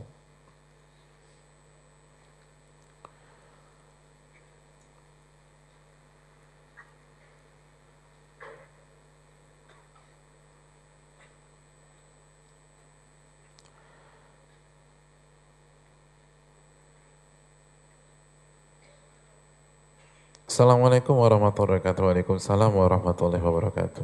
Diketik ya ya. Lagi-lagi anak kagum sama antum. Ada yang bawa printer ke sini. Alhamdulillah saya serang, eh, saya sekarang sedang taruh dengan seorang akhwat, insya Allah agama dan akhlaknya baik. Umur saya 23 tahun, sudah bekerja, saya ingin melamar akhwat tersebut. Tapi akhwat tersebut menunda sampai eh, menunda waktu sampai tiga tahun karena alasan belum siap umur akhwat tersebut baru 20 tahun. Mohon nasihatnya Ustaz, apakah saya harus bersabar? Jazakallah khairan. E, tergantung ya. Tergantung e, apa akhwatnya seperti apa. Kalau akhwatnya hafal Quran, lalu menguasai kiro asabah, hafal Bukhari, hafal Muslim, lalu hafal Alfia, Ibnu Malik, ya worth it lah tiga tahun. Ya, susah nyari akhwat begitu susah. Apalagi cantik gitu, susah, kaya gitu lah. Ya, rumahnya cuma 200 meter dari Blok M Square, oh kan? Udah tunggu aja udah tunggu gitu. Kalau antum bisa tunggu, kalau enggak berzina gitu loh. Makanya nggak bisa begini hadirin. Nikah itu kan masuk bab akad. Masuk bab akad. Tapi akad yang tertinggi dalam ilmu fikih. Yang namanya akad kan semuanya dinamis, semuanya subjektif, nggak bisa dipukul rata, harus dilihat dulu layak apa enggak gitu loh. Uh, itu yang pertama. Yang kedua, jangan menutup apa yang Allah buka di depan kita. Artinya pintu yang masih terbuka nggak usah kita tutup. Jadi ya kalau memang antum merasa struck, struck atau juga dia nggak bisa dinikahi selama tiga tahun ini, ya udah kan belum ada lamaran, terus e, belum ada apa pun, ya udah kan kita dia bebas kita bebas. Kalau ada yang lebih baik, kenapa enggak gitu loh. Allah taala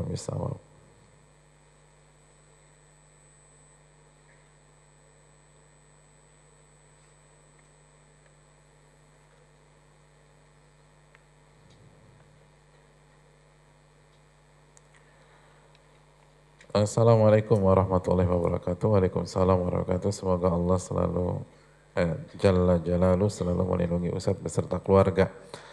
Iya, begitu juga dengan penanya dan kita semua insyaallah taala.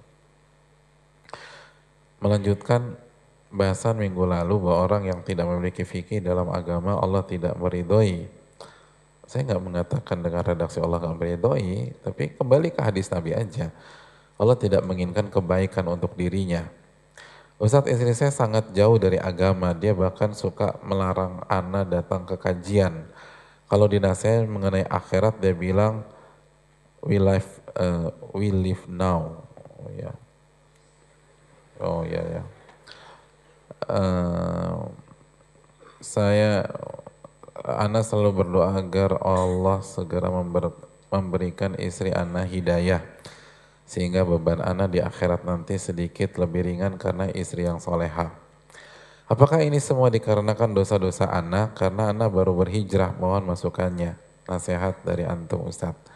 Jazakallah Iya benar ini dosa-dosa kita. Dosa-dosa kita.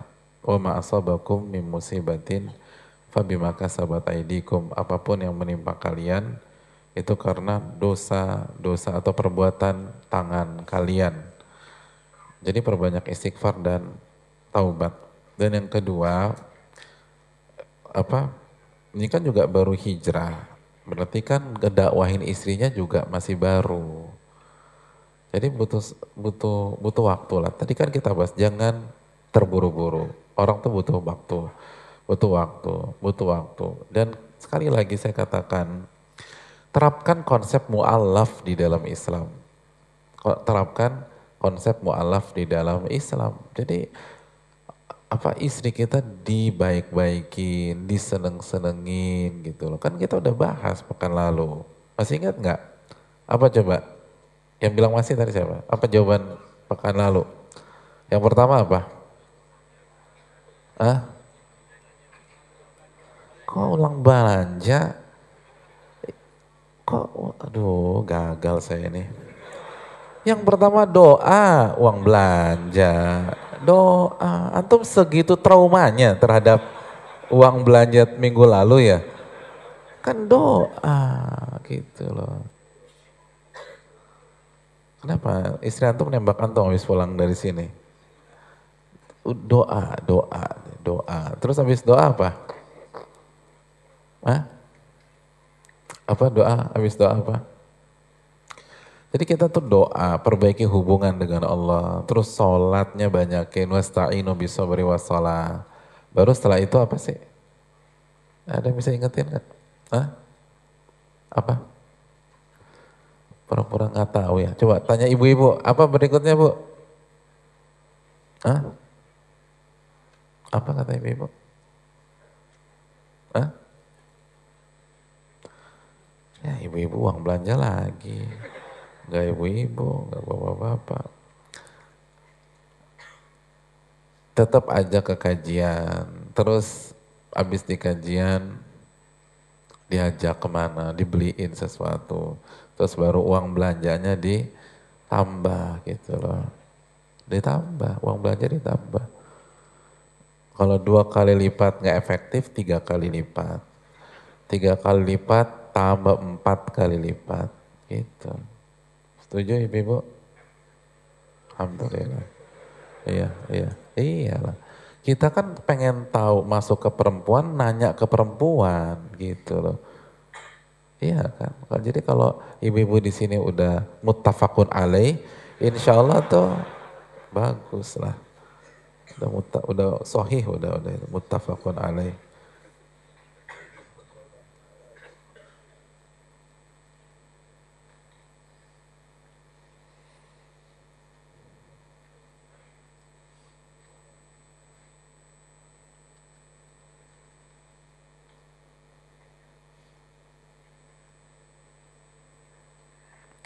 Assalamualaikum warahmatullahi wabarakatuh. Waalaikumsalam warahmatullahi wabarakatuh. Semoga Ustadz keluarga selalu dalam lindungan Allah Subhanahu wa taala.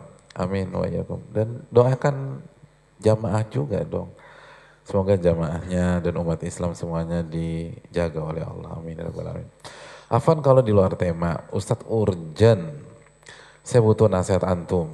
Saya sudah menikah, Alhamdulillah. Dikaruni dua anak, yang satu masih dalam kandungan usia tiga bulan Ana dan istri mengharapkan anak perempuan, namun hasil USG anak laki-laki. Istri anak kecewa dan mengalah, menyalahkan Ana. Sebentar, antum jangan ketawa dulu, sebentar. Menyalahkan anak karena harusnya kita ikut program inseminasi.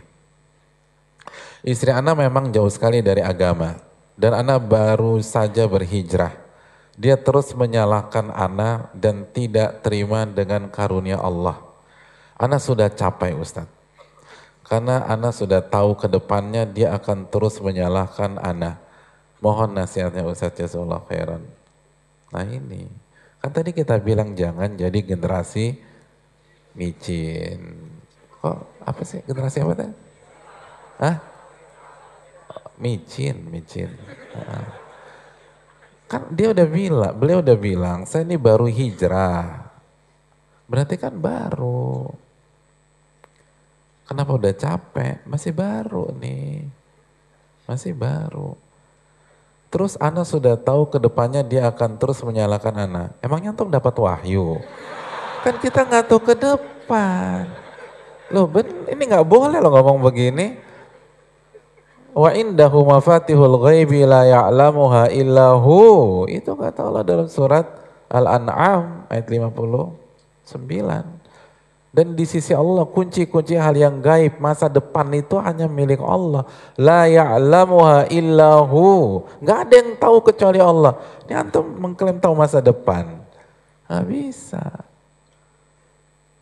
Jadi gak boleh tuh kan. Jangankan istri antum. Antum aja masih salah nih. Dan bahaya loh ngomong begini, saya udah tahu ke depan, tahu dari mana. Gitu loh. Masa depan itu gaib. Jadi berarti kan akidah kita aja masih bermasalah. Ya wajar istri kita akidahnya juga masalah. Jadi PR istri kita akidah, PR kita juga akidah. Ini poinnya. PN istri kita nggak terima takdir. Kita mengklaim tahu masa depan. Ya agak cocok juga sih. iya. Nah yang terpenting adalah pelan-pelan lah hadirin. Pelan-pelan. Jangan jangan buru-buru. Terus sudah capek. Belum berapa lama nyobanya Paling mungkin baru berapa, dua tahun, tiga tahun, empat tahun, lima tahun. Sabar. Sabar. Itu kalau kita udah benar sabar. Gimana kalau kita belum benar? Nabi Nuh sabar hadirin. Jadi harus sabar. Terus doain, terus terapkan yang kita sampaikan tadi. Sampaikan tips-tips yang kata ibu-ibu mutafakun alaih tadi. Itu terapkan gitu. Dan antum juga belajar. Antum juga belajar. Dan uh, namanya manusia itu, itu sangat mudah berubah hadirin. Kita aja, pola pikir kita tahun lalu beda dengan pola pikir kita hari ini. Tiga bulan lalu beda dengan hari ini. Ya istri kita juga gitu. Kalau kalau masuknya kita bagus, pelan-pelan, sabar, apalagi kita terapkan konsep mu'alaf, kita kasih, kita ini kan. Terus tadi uang bulanan berapa kali lipat tuh ibu-ibu? Uang bulanan tadi berapa kali lipat? Oh empat, insya Allah. insya Allah pelan-pelan bisa lah. Yang harus empat ya. Enam juga boleh, enam. Yang penting kasih orang yang masih awam itu uh, dunia agar mereka tertarik ke akhirat, ke Islam. Dan itu konsep Nabi SAW. Dan banyak beristighfar dan bertobat kepada Allah Subhanahu wa taala.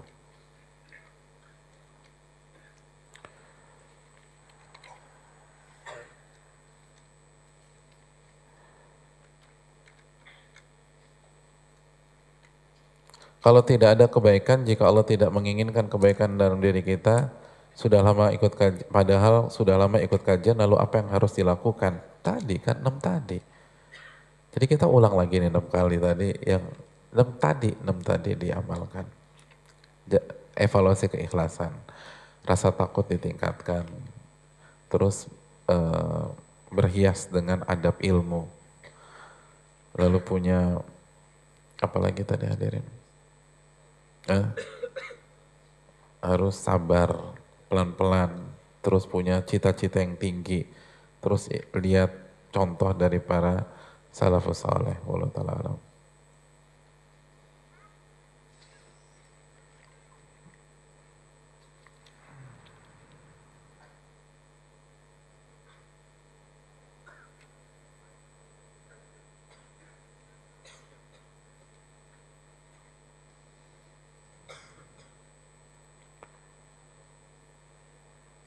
Assalamualaikum warahmatullahi wabarakatuh. Semoga Allah senantiasa memberikan rahmat dan hidayahnya kepada Ustaz dan seluruh kaum muslimin. Amin ya rabbal alamin. Begitu juga ada yang bertanya, Ustaz ada salah satu keluarga saya yang sudah tua, beliau sakit kaki linu selama bertahun-tahun, hingga di bulan, subhanallah. Ya, ya. Terus jadi pening hadirin. Uh, sehingga di bulan Syawal kemarin beliau jauh jatuh di kamar mandi. Sakit linunya tersebut cukup parah sehingga menyebabkan sangat susah untuk berjalan. Setelah jatuh beliau tidak sadarkan diri hingga sekarang. Menurut seseorang yang disebut seorang uh, tokoh gitu ya, keluarga saya tersebut memiliki semacam susuk. Mohon nasihatnya Ustaz apa yang harus kami lakukan selaku keluarga. Uh, dekatkan diri kepada Allah Subhanahu wa taala, amalkan firman Allah uh, min syarril waswasil khannas. Khannas itu yang menyerang ketika benteng zikir kita tidak kuat dan akan mundur ketika benteng zikir kita kuat. Jadi jaga hubungan kita dengan Allah, jaga ibadah, jaga zikir, pagi petang jangan sampai lewat terus tersapi, renungi, dan uh, berikutnya perkuat tawakal kepada Allah Subhanahu wa taala.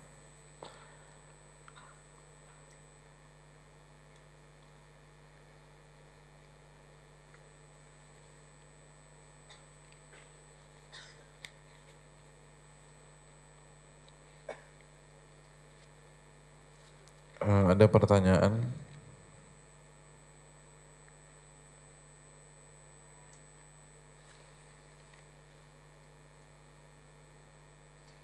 Assalamualaikum warahmatullahi wabarakatuh. Semoga Ustadz dan kita semua diberikan eh, diberkahi oleh Allah. Ustadz, para salaf eh, beru, belajar sebentar langsung berubah. Namun kita juga disuruh bersabar dalam belajar dan berubah. Bagaimana cara memahami hal ini Ustadz? Di satu sisi para salaf cepat perubahannya, namun kita juga disuruh bersabar dalam berubah. Ya terima kasih. Yang pertama, eh, berubah itu kan bukan berarti signifikan 0,1 persen juga dikatakan berubah. Dan mereka yang mengajarkan kita untuk belajar dengan bertahap. Yang kedua, ikhlasnya beda hadirin. Kita harus, kalau kita pengen tahu rahasianya, antum harus baca kitabnya Ibnu Rajab, Fadlu Ilmi Salaf, keutamaan ilmunya para salaf dibanding para khalaf generasi berikutnya. Salah satunya keikhlasannya beda. Keikhlasannya beda. Gak bisa disamakan. Allah Ta'ala. Iya, uh, pertanyaan yang lain. Assalamualaikum warahmatullahi wabarakatuh. Waalaikumsalam warahmatullahi wabarakatuh. Uh, saya ingin mengerjakan ibadah haji. Uh, apa nasihat Ustadz untuk saya? Ya, jazakallah khair atas pertanyaannya. Yang pertama buka tabungan atau daftar uh, haji sehingga bisa dapat nomor porsi dan bisa berangkat secepat mungkin. Dan ta'ajjalu ilal hajj kata Nabi SAW bersegeralah untuk mengerjakan ibadah haji. Yang kedua, uh, yang terpenting itu setelah setelah kita punya rizki, yang sangat penting adalah pembimbing hadirin. Pastikan pembimbingnya uh, sosok atau ustadz yang mengerti sunnah Nabi SAW dalam mengerjakan ibadah haji dan mengerti nilai, value, makna, hikmah dari amalan-amalan tersebut. Karena itu yang membedakan. Itu yang membedakan. Ya sama, kalau kita mau bicara pengobatan, bukan pertimbangan pertama bukan rumah sakitnya, tapi dokternya. Iya nggak sih? Iya kan dokternya. Baru ketika dokternya hanya di rumah sakit A, B, C, kita mau nggak mau akan ke sana. Itu pola pikir ilmiah. Mau berobat, kita cari dokter bukan cari rumah sakit. Itu yang terbaik. Kalau kita mau uh, olahraga, pelatihnya siapa hadirin? Itu pelatih itu penting. Pelatihnya. Mau ngaji, ustadznya siapa? Sama, pola pikirnya demikian. Ustadznya siapa? Orang kalau mau foto-foto tuh fotografernya siapa? Kan begitu. Bukan view-nya dulu. Fotografernya siapa? Antum di rumah petakan, kalau fotografernya jago, itu keren tuh. Dan mahal harganya. Itu kan poinnya. Ya, apalagi ini masalah akhirat begitu aja. Sebagian orang salah berpikir. Berpikir fasilitasnya apa? Bukan. Haji itu bukan fasilitas. Yang pertama ya, Fasilitas boleh, tapi yang pertama bukan bukan itu. Tapi yang pertama siapa pembimbingnya. Karena itu yang akan mengeset dan mengatur perjalanan antum agar menjadi haji yang mabrur. Itu pola pikir ilmiah. Allah taala bisawab. Iya, saya rasa cukup sampai di sini. Sudah jam 9. Mohon maaf jika banyak pertanyaan yang nggak terjawab karena keterbatasan ilmu dan keterbatasan waktu. Terima kasih banyak, semoga ilmu kita bermanfaat dan saya ingatkan ketika kita pulang, perbanyaklah berdoa Rabbana taqabbal minna, ya Allah terimalah amal ibadah kami dan semoga kita mendapatkan ilmu yang berkah dan bermanfaat. Subhanakallahumma wa bihamdika, la ilaha illa anta, astaghfiruka wa atubu. Assalamualaikum warahmatullahi wabarakatuh.